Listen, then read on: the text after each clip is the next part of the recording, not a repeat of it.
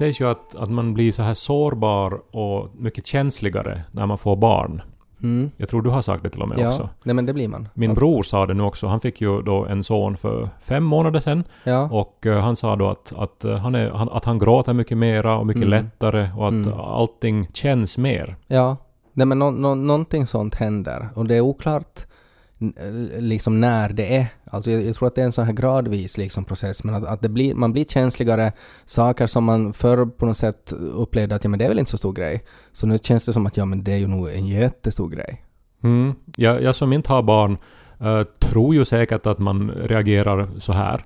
Men ändå så känns det alltid som att de här papporna då på något vis upplever att de har uppfunnit känslor. Mm. Som att, att, eh, att nu, vet du, det här som jag upplever nu så har du ingen aning om som inte har barn. Mm. Som om inte det skulle vara en grundläggande mänsklig sak att vara eh, kapabel till att bli rörd Ja, och ja. känslig. Att vi på något sätt, det, vårt samhälle är så... Alltså den här, den här uppfostran som pojkar får är liksom att man visar inga känslor alls men sen är det lite okej när man blir pappa och då på något sätt lättar det att då får man ha en känsla. Ja, och att de sen kommer och är som så här att, att jag har nått en ny nivå nu. Alltså, och eh, den är tyvärr inte tillgänglig för dig Mm. för att du inte har barn. Men hur funkar det med fotis då? Och ishockey? För då är det ju känslor. Men det är kanske andra sorts känslor. Ja, för de menar väl just att, jag menar det, det är ju såna här vrede, glädje, medan Mm. det väl mer i allmänhet handlar om en så här att man, att ögonen tåras, Ja, det är som en mer komplex känsla skönhet och, och körhet och någon sån här intimitet nästan. som aktiveras när man får barn. Ja. Ja. Men jag skulle nog säga att det finns andra tider i livet också när man är speciellt sårbar och känslig. Och jag är just nu i en sån tid. Okej. Du ser en, en sårbar människa nu Ted. Ja. Men du har ju inte skrivit någonting så det, du väntar inte på någon recension liksom. Nej, jag har alltså förnyat mitt pass. Jaha. Och eh, då har jag varit och tagit passfoto. Varför det? För man kan ju göra det där hemma. Ah! Gjorde jag senast. Och det är ju det som är nu delvis orsaken då till min, till min känslighet här då. För att Jaha. för fem år sedan så skulle jag förnya mitt pass senast. Mm. Och då tänkte jag just som du just sa, att Mm. jag har ju för fan en riktigt bra kamera hemma. Mm. Och en vit vägg. Ja. Hur svårt kan det vara? Ja, det är inte svårt. Nå, sen har jag nu då levt i fem år med att, eh, alltså överraskande ofta, när de på flygplatser eller var de nu kollar ens pass, så öppnar de mitt pass, tittar på det och så drar de ett litet skämt. Oj vad Ja. du ser ledsen ut. Jaha. I stora drag. Ja. För att jag, och och de har, vet du, helt rätt. Ja, Jag, jag ser jätteledsen ut. Mm. Och det har någonting att göra med symmetrin i ansiktet.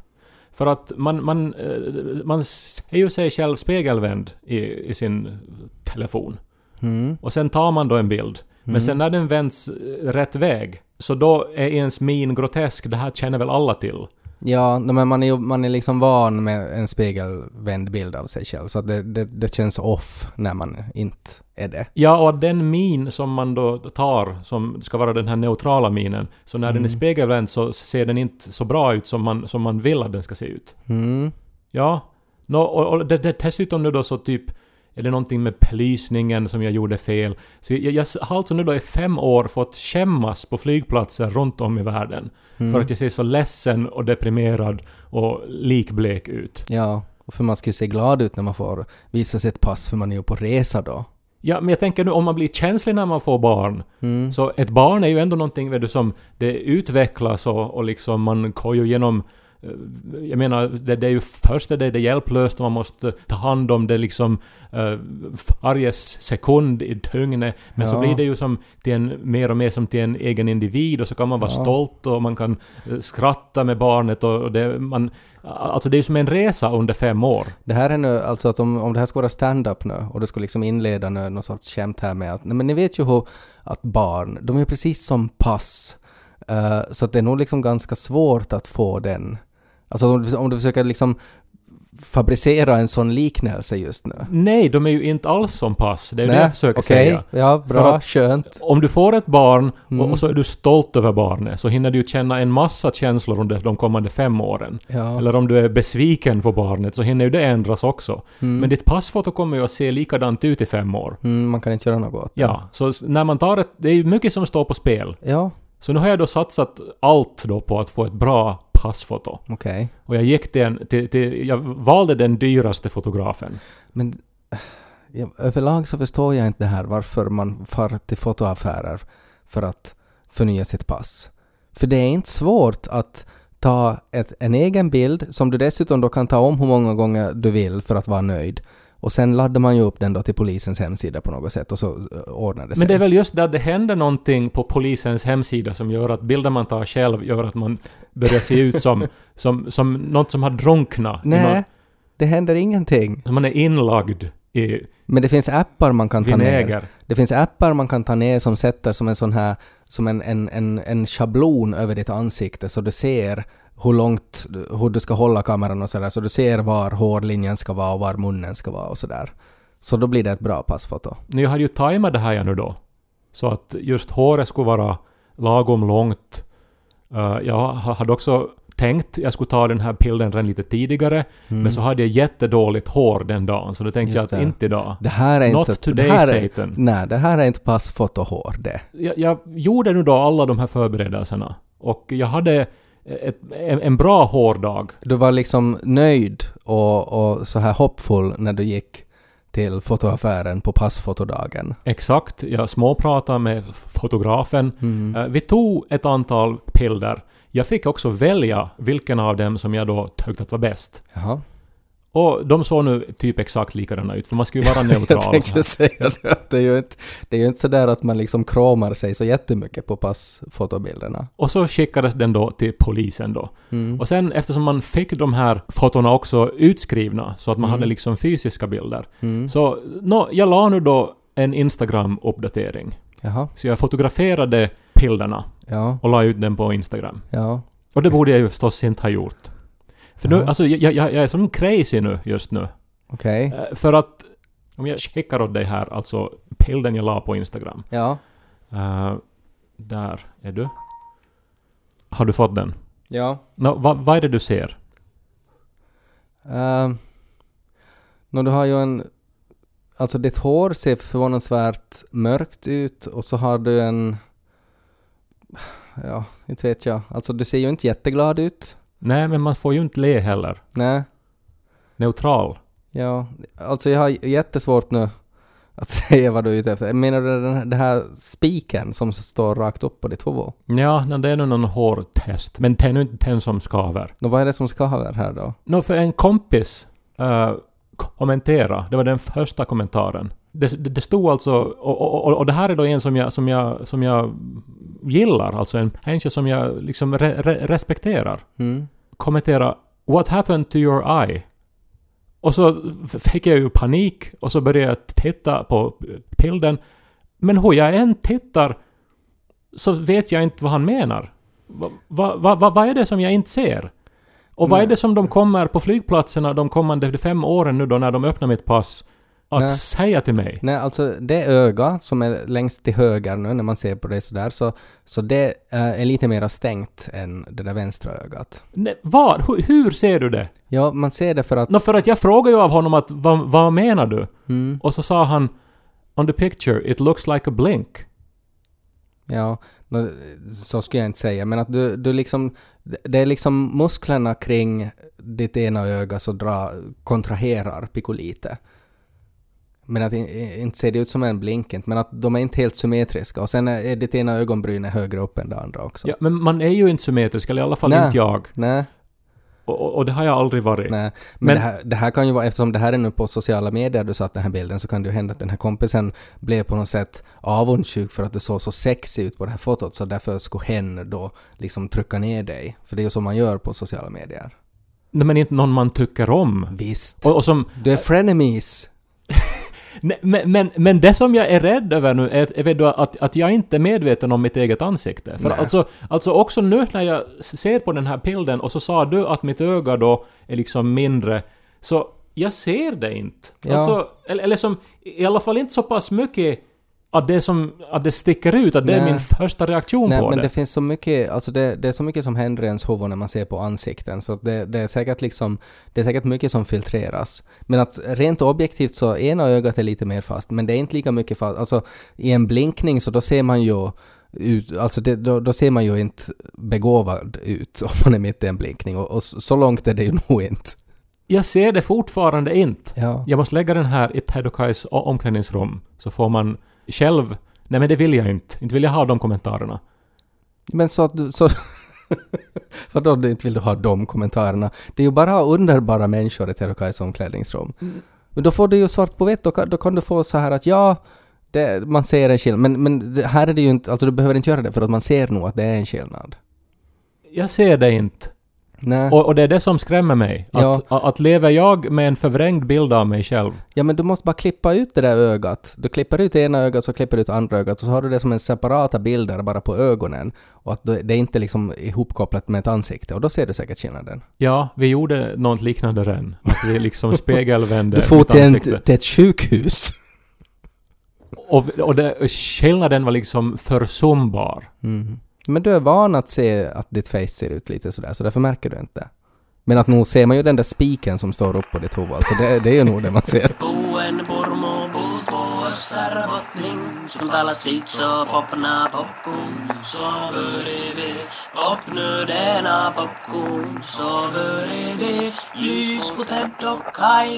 Jag såg en så intressant sak. Jag försökte hitta en koppling mellan ditt passfoto till det här jag skulle vilja prata om nu. Eh, men det kanske kommer. Men att, att just nu så, det, det finns inte någon sån här direkt koppling, men jag skulle vilja prata om flygplan under andra världskriget. Uh, och det var bara en så intressant iakttagelse uh, som, som är också lite som en tankenöt som jag tänkt ge åt dig. Ehm, att de som utvecklade flygplanen under andra världskriget så försökte ju hela tiden eh, modernisera dem och uppgradera dem och sådär. Och det sägs ju att det behövs några krig ibland för att man ska kunna liksom, för att vissa vetenskaper ska få sådana där ryck. Att till exempel så, så kirurgin utvecklades ju väldigt mycket efter första världskriget för att då var det så mycket amputationer och sånt som behövdes göras. Så då, då fanns det liksom plötsligt jättemånga människor som man kunde utföra vissa ingrepp på och så lärde man sig jättemycket. Men, men att det här har ju också att göra med liksom vetenskaper och, och, och uppfinningar och sånt där. Och när det kommer då till, till flygplan eh, så märkte de ju, alltså de experimenterar ju hela tiden med formen för att det var ju både hur man får dem så aerodynamiska som möjligt men att det var ju också att hur får man dem att vara så stryktåliga som möjligt för att de besköts ju hela tiden så var det ju kulsprutor som sköt på de här planen. Ja, här finns väl då en liten parallell till mitt passfoto. För ja. De hade fotografer också i Nå- krig. Någonting jätteviktigt väl med, med flygplan är väl att de är symmetriska. Ja, det är sant. Det har ju att göra med jämvikt och, och liksom luftmotstånd och, och sånt, Ja. sånt. Jag kom på ett ännu bättre nu också för att för när visar man passet när man ska flyga i ett flygplan? Eh, här finns ju massor. Men find det alltså så, det var ju, fast det här är kanske då första världskriget, alltså de hade ju propellerplan. Mm. Och sen var det någon, nu vet jag inte om det då var, vem var det som stred i första världskriget ens? Det var Men, nå, det var ju hela världen. Men att, det var nog inte så mycket, alltså... skotten i Sarajevo. Ja, det var inte så jättemycket luftstrider i första världskriget. Nå, men okej, men vad var Det inte är ju så... så röda baronen och sånt där. Det var ju sådana propellerplan. var ju mer liksom första världskriget. Men att det var som ett problem för att propellern var i vägen för, för kulsprutorna. Mm. Och sen så var det då någon som uppfann så att kulorna skjuts alltså mellan Ja, rot- den. Ja, Ja, och liksom då blev det överlägset. ja, Och så, och, och så vann de alla strider. ja, det var nog före andra världskriget. Men, att, men det är ju just sådana där utvecklingar som man har. Alltså att man märkte att, att vi har ju skapat världens bästa flygplan och så flyger man upp i luften. Där är en fiende, trrrt, och så strittar propellern iväg. och så kraschar man. Och då hakar man ju då att ajo, det, det är liksom så här vi måste göra. Men, men här är nu liksom det här tankenöten då, är att, att nu är du då en, en, du jobbar nu med att utveckla flygplan och så får du då data, alltså det kommer då en massa av de här flygplanen som du har designat, så kommer de tillbaks och så får du liksom data på att var de har blivit eh, beskjutna. Alltså att du ser liksom att här och här och här är det en massa hål, här är det inte så mycket hål, här är det, är det lite hål. Jag kan visa dig en bild här. Eh, jag visar det bara. Man, man ser liksom en, en sån här 2D-skiss av ett flygplan och så är det liksom röda prickar var de har blivit träffade. Mm. Och, och sen är det ju intressant då, för då kan de ju använda då den här datan på olika sätt. Att de ser att, att, liksom att okej, så här och så här blir, så, så träffas de av kulorna. Så hur skulle du använda den här datan? Alltså vad skulle du titta på när du tänker på hur du ska utveckla flygplanen? Mm, nu är det här säkert någon KOG-fråga då. Har det att göra någonting med att är det här alltså kraschade plan eller är det plan som... Det är, Som- det är liksom plan som har kommit tillbaka. Ja, men det är väl det då. Att eh, då ser man ju då att där de har träffats så är det inte liksom livsfarligt. Mm. Så att man skulle förstärka de ställen som inte har kulhål i sig.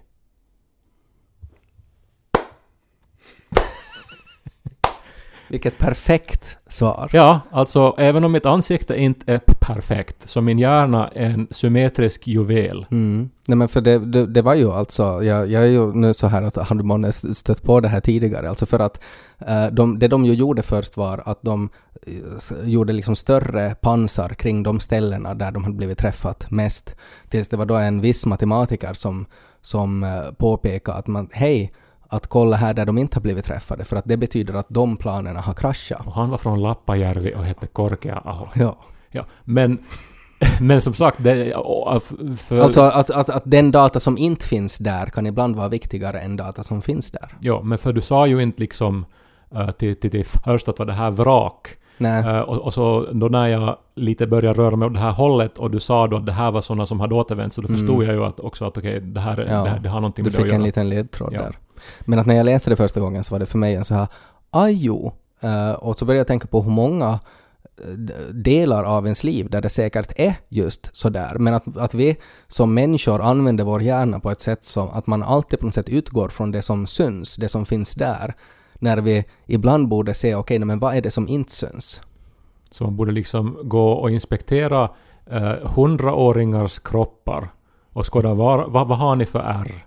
Och så där där de inte har R, Mm. så Så får man fota det till Så. passet. syr man upp kläder som skyddar. Nej, jag vet inte. Men jag tyckte det var intressant. Ja, Andra världskrigs kuriosa, som också kan användas i din vardag, vad är nu bättre än det?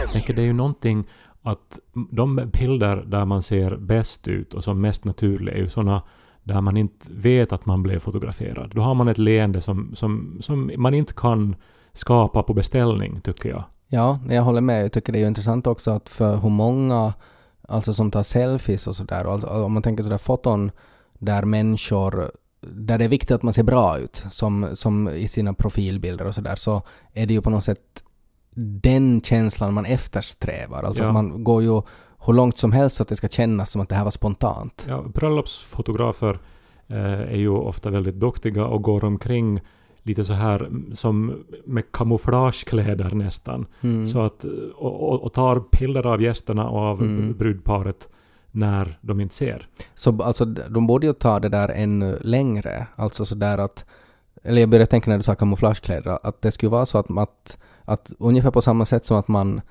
anställer en lönnmördare så ska det vara att anställa en bröllopsfotograf. Att man så här säger att vi kommer att gifta oss då och då. Jag vill inte ha någonting med det att göra. Jag vill inte veta, vad, jag vill inte veta ditt namn. Jag vill inte veta någonting. Jag vill ha bröllopsfotona i ett brunt kuvert dagen efter bröllopet och jag lämnar pengar vid stubben. Alltså att det är liksom helt sådär att man aldrig är medveten om att, att det är någon som fotar en. Alltså att det är någon som är hela tiden liksom maskerad. Men är det någon som är då utklädd till någon gäst? Ja. Nej, alltså för man man vet inte. ju att det är man någon vet man inte, inte. känner. Jo, jo, men det är liksom, man, man hoppas ju att, det, att han är liksom under prästens dräkt och gömmer sig, men att, att det är sådär så att man aldrig är medveten om att man blir fotad för att då, du, du ser ju inte naturlig ut när man försöker se så naturlig ut som möjligt. Så, men, men så det ska bli allra bäst fotografier så då borde det ju vara så att bröllopsparet tror att de inte har någon fotograf Ja. plats. Alltså Ja. att de ska inte bli f- Ja, fotograferade. att man ser att vi har ingen fotograf. Ja, men, men så har de då anställt en sån här lönnfotograf. Ja, en paparazzi. Men jag var lite på väg åt det när vi pratade tidigare om, om andra världskriget och Mm. de här rotorbladen på propellerplanen och så Mm. hockar någon att man kan skjuta mellan rotorerna. Ja, Skulle det gå att tillämpa det här på fotografering på något sätt? Att han fotar bara när brudparet blinkar. så att de aldrig ser att han finns. Men då blundar man ju på alla foton. Men som, Ja, alltså att man inte tar bilden då när... Att han säger nu ska jag ta ett foto och så ler man och så tar han inte ett foto utan han tar sen. Ja, jag vet inte om det går exakt att överföra här. Nej, men, Men- fortsätt. Vad var det du tänkt? Jag tänkte någon sorts apparat Ja, med propeller som flyger omkring i salen. mm, som fotar hela tiden. Att det, att det fotar så mycket så att man inte reagerar på att man blir fotad. Som en sorts filmkamera. är det det du har uppfunnit? Ska vi avbryta här bara? Eller vi kan byta samtalsämne. Ja, det, det, var- det var helt bra, men, men vi, vi kanske... Det kanske... Det får ta slut sådär och så går vi vidare. Vi är i Helsingfors nu för tillfället för att jag är och bandar in barnprogram. Eh, och eh, jag var till en restaurang igår här, som jag inte varit till tidigare, som hade en specialitet som hette Sizzlers. Korean Sizzlers. Eh, och det var jätte, jättegott. Alltså, det var, man fick välja vad man skulle ha för kött och så, så var det då ris och, och, och sås och sådär. Alltså en god asiatisk maträtt. Men grejen var då att, att om man beställer en sizzler så då får man det egentligen som en, på en, en sån här gjutjärns stekpanna. Eh, och de kom ut med den här eh, och, och, och det, det var liksom som att det friterades ännu inuti pannan, alltså den var liksom kokhet. Eh, och det var en, en så här papp, alltså ett, ett, en varningscirkel av papper runt den här stekpannan där det stod liksom att really, really, really hot, sizzling hot. Eh, och, eh, och så märkte man ju också för att det var ju som att, att man fick liksom en, en, en fritös som var igång när man skulle börja äta. Ja, ja. Och man skulle ju tro då att man på något sätt väntar med att äta tills det har kallnat. Men jag insåg då att jag kan inte göra det, jag. Utan att jag tog min gaffel och jag var jätte, jättehungrig och det såg jätte, jättegott ut. Och, och så, så satt jag då Alltså jag, hade gaffeln och var sådär att ja men inte kan det ju vara så varmt fast jag liksom sa att det ännu friterades på den här och så satte jag in det i munnen och så brände jag liksom hela käften alltså riktigt ordentligt. ja. Alltså att resten av måltiden var att det gjorde ont att äta den. Och ännu liksom idag, dagen efter, så gör det ont. Och man känner ju sig så dum. Alltså så otroligt idiotiskt dum. Där det liksom allt vad de gör, det man ser, jag ser att det här är för hett, jag läser att, att det är hett, det finns den här varningen, jag, jag känner på det när jag liksom lägger det närmare munnen att det här kommer att, och ändå så gör man det för att man inte klarar av att vänta. Vad är det för liksom evolutionär funktion? Tänker man på något sätt att ja men hellre så bränner du munnen nu för att det kan hända att du sen blir utan mat eller det kan hända att, att tigrarna kommer och äter upp dig om du ännu är kvar här och äter så därför måste du äta nu så där snabbt. Det är väl väldigt oevolutionärt att värma upp mat för det första. Ska, ska inte man äta bara rått kött? Det är inte hela grejen. Det var väl nog någon sån här grej att i evolutionen så var det liksom eh, ett, ett otroligt stort språng framåt när de märkte att, att man kunde värma kött. För att det var så mycket bättre för våra kroppar och det bröt ut så mycket andra ämnen som våra hjärnor behövde och sådär. Ja, Men att jag var ju den här grottmänniskan som skulle ha dött, alltså. När det då var en gris som fick blixten i sig, eller hur de nu uppfann kokt mat. Och så var det den där första grottmannen då som var sådär ”Pax för att äta grisen!” och så satt han liksom med brinnande, liksom det var ännu kvar av blixten, så tryckte han i sitt face och brann upp. Att det var ju min förfader det. Eller det var det ju inte, för han brann ju upp. Kanske jag har samma som att det att du inte ser ditt öga, att du inte ser hur det ser ut på ditt passfoto så... så Nej, men det jag har ser samma ju inte ut. Nej, men- nej men det ser ju ut, men att jag har samma när det gäller till liksom het mat, att där är det liksom, där kopplas min hjärna bort. Men om det står att det är varmt och det sisslar, det liksom... Det, det puttrar. Mm. Alltså, du, du, du ser att det kokar. Mm. Så är det inte samma sak som att... Ja men där ser du ju, du ser ju på ditt foto att ditt öga är nästan stängt. Varför måste man ens ha ett foto på sitt pass? Nu finns det väl viktigare saker än utseende. Istället skulle man kunna ha så här, vet du, att saker som bara jag vet. Liksom att de... Alltså, det, det, det skulle vara som unika frågor om, om mitt liv i polisens databas. Som bara jag vet svaret på. Så då när jag kommer då till, till tullen då och ska Mm. utomlands Så då ställer de en av de frågorna. Och Alltså om jag det- då genast kan rätt svar så då får jag fara bara. Det är som, det jag. som när man har glömt sitt lösenord och man ska återställa det och så är det sådär att vilken gata växte din mamma upp på? Ja, Att precis. Såna Nej, frågor. men exa- nej, Okej, det har gjorts redan då. Men det skulle kunna ersätta pass. Nu är det hemskt att det ska ha att göra med liksom ens utseende. Nej men det borde ju kopplas till ens maner. Alltså att när jag kommer dit utan pass, så då borde det vara, ja är det här faktiskt Ted Forsström? Hmm, ska vi fråga om han vill äta den här otroligt varma maten här nu? Och om, om jag svarar nej, vi väntar tills det kallnar, då är det inte Ted fucking Forsström. I början av den här podden så pratade du om den här, den här känsligheten som när man har blivit pappa på något sätt reagerar på att, att saker och ting är mer känsliga. Eller att man eh, uttrycker käns att känslor blir starkare. Ja, eller när alltså heterosexuella män inser att livet har dimensioner och att det finns Mm. skönhet och det finns generationsskiften och, Mm. och, och uh, skörhet. Sånt som man som heterosexuell man inte tänker på innan man blir pappa. Man är väl mest på fotbollsmatcher och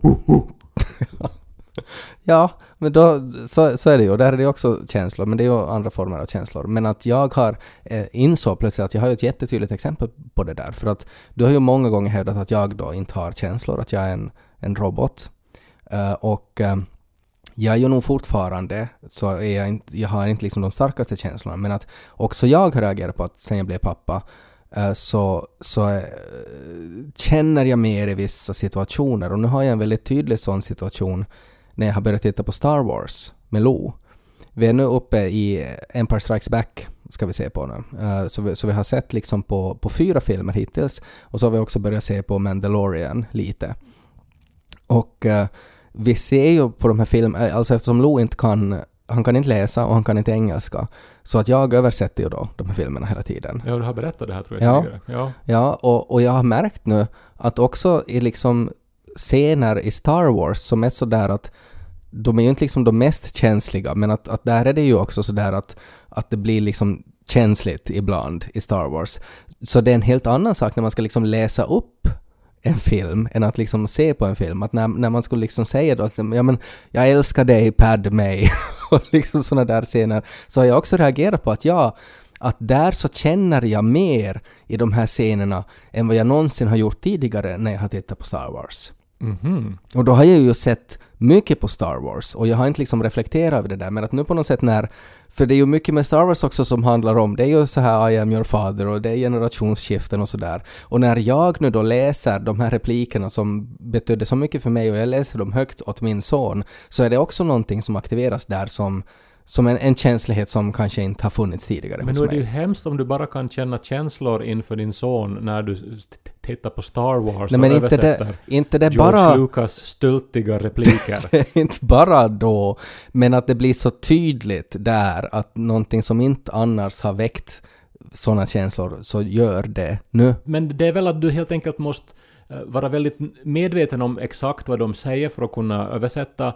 Och sen så är du väl en, en, ändå en... Alltså, du, har ju skådespelat och så här, du lever ju dig in och vill ju liksom ge en bra performance ändå. Mm. Så Ja, att men, då, ja, då, då känner du ju känslor. Men det är ju framförallt väl när du ser på din son som du nu då enligt alla dessa män då som har blivit fäder då borde... Mm. Ja, jag märker. Jag märker på honom att oj, nu, det här är liksom en, en andäktig scen just nu som han tar till sig. Jag försöker ta bort oss från Star Wars nu för det kan ju omöjligt vara där du hittar känslor till din son. Nej, de har funnits tidigare, men det är bara ett intressant exempel eftersom Star Wars är på något sätt det, det, det är liksom ganska långt från det där och som på något sätt verkligen hör till min robotsida. Så det är på något sätt roligt att också där så sipprar de in, de här känslorna. Men det är som att filmen förstärks men att också situationen förstärks av filmen. Så att det blir som en, en, eh, en generator på något sätt för, för känslor. Det låter som när en robot beskriver hur det känns att vara far.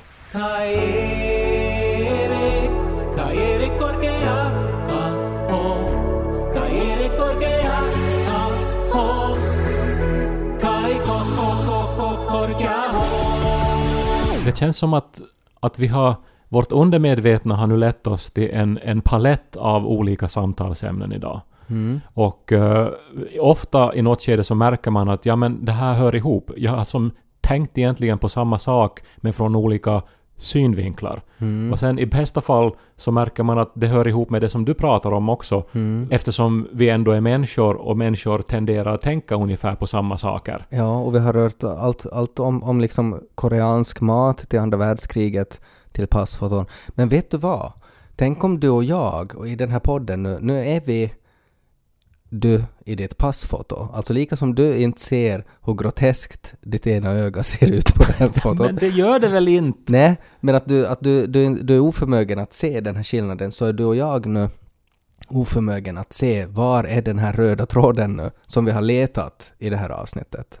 Och det är ju inte så att man måste ha en röd tråd men att det känns ju alltid skönt om man landar i någonting att ah, men vet du vad, egentligen är det ju det här vi har pratat om nu. Ja.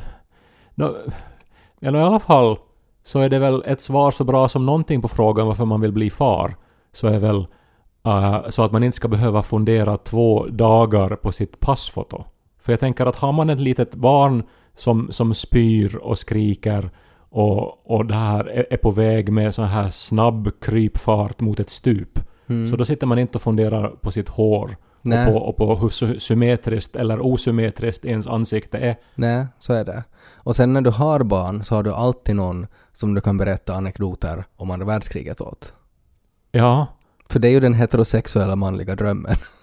har jag insett. Alltså att det, det är ju... Det kommer ju nog. Och sen hoppas man väl också att ens barn ska vara mer symmetriskt än en själv. Om nu symmetri är då något mått på att, på att det som har gått är då att man är aerodynamisk. Man, man, är, man, är, man kan flyga i livet. Ja, men det beror ju på. Jag menar att om man, om man är sned mot vänster så då borde man ju få barn med någon som är sned mot höger. Men att om du får barn då med någon som också drar mot vänster så då kan du få otroligt sneda barn. Janika är ju ingen robot. Som Nej. du. Så att, så, så där har jag liksom att när jag då kommer med mina robotgener och hon kommer då med sina mänskliga gener så då får vi liksom en liten Robocop då som är halv, halv människa, halv robot men all cop. På tal om Robocop, visste du att Indien har gjort en remake av Forrest Gump-filmen? vad har det att göra med Robocop och varför Nej. har de gjort det då?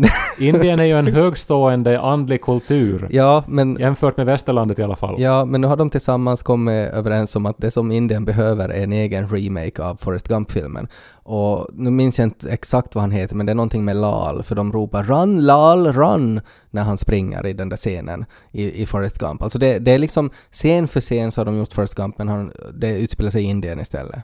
Och han har turban. Men sen har de bytt ut alltså den här ena scenen där de säger Life is like a box of chocolates, you never know what you're gonna get, så säger de att life is like a golpatta. Tror jag, jag tror det hette så.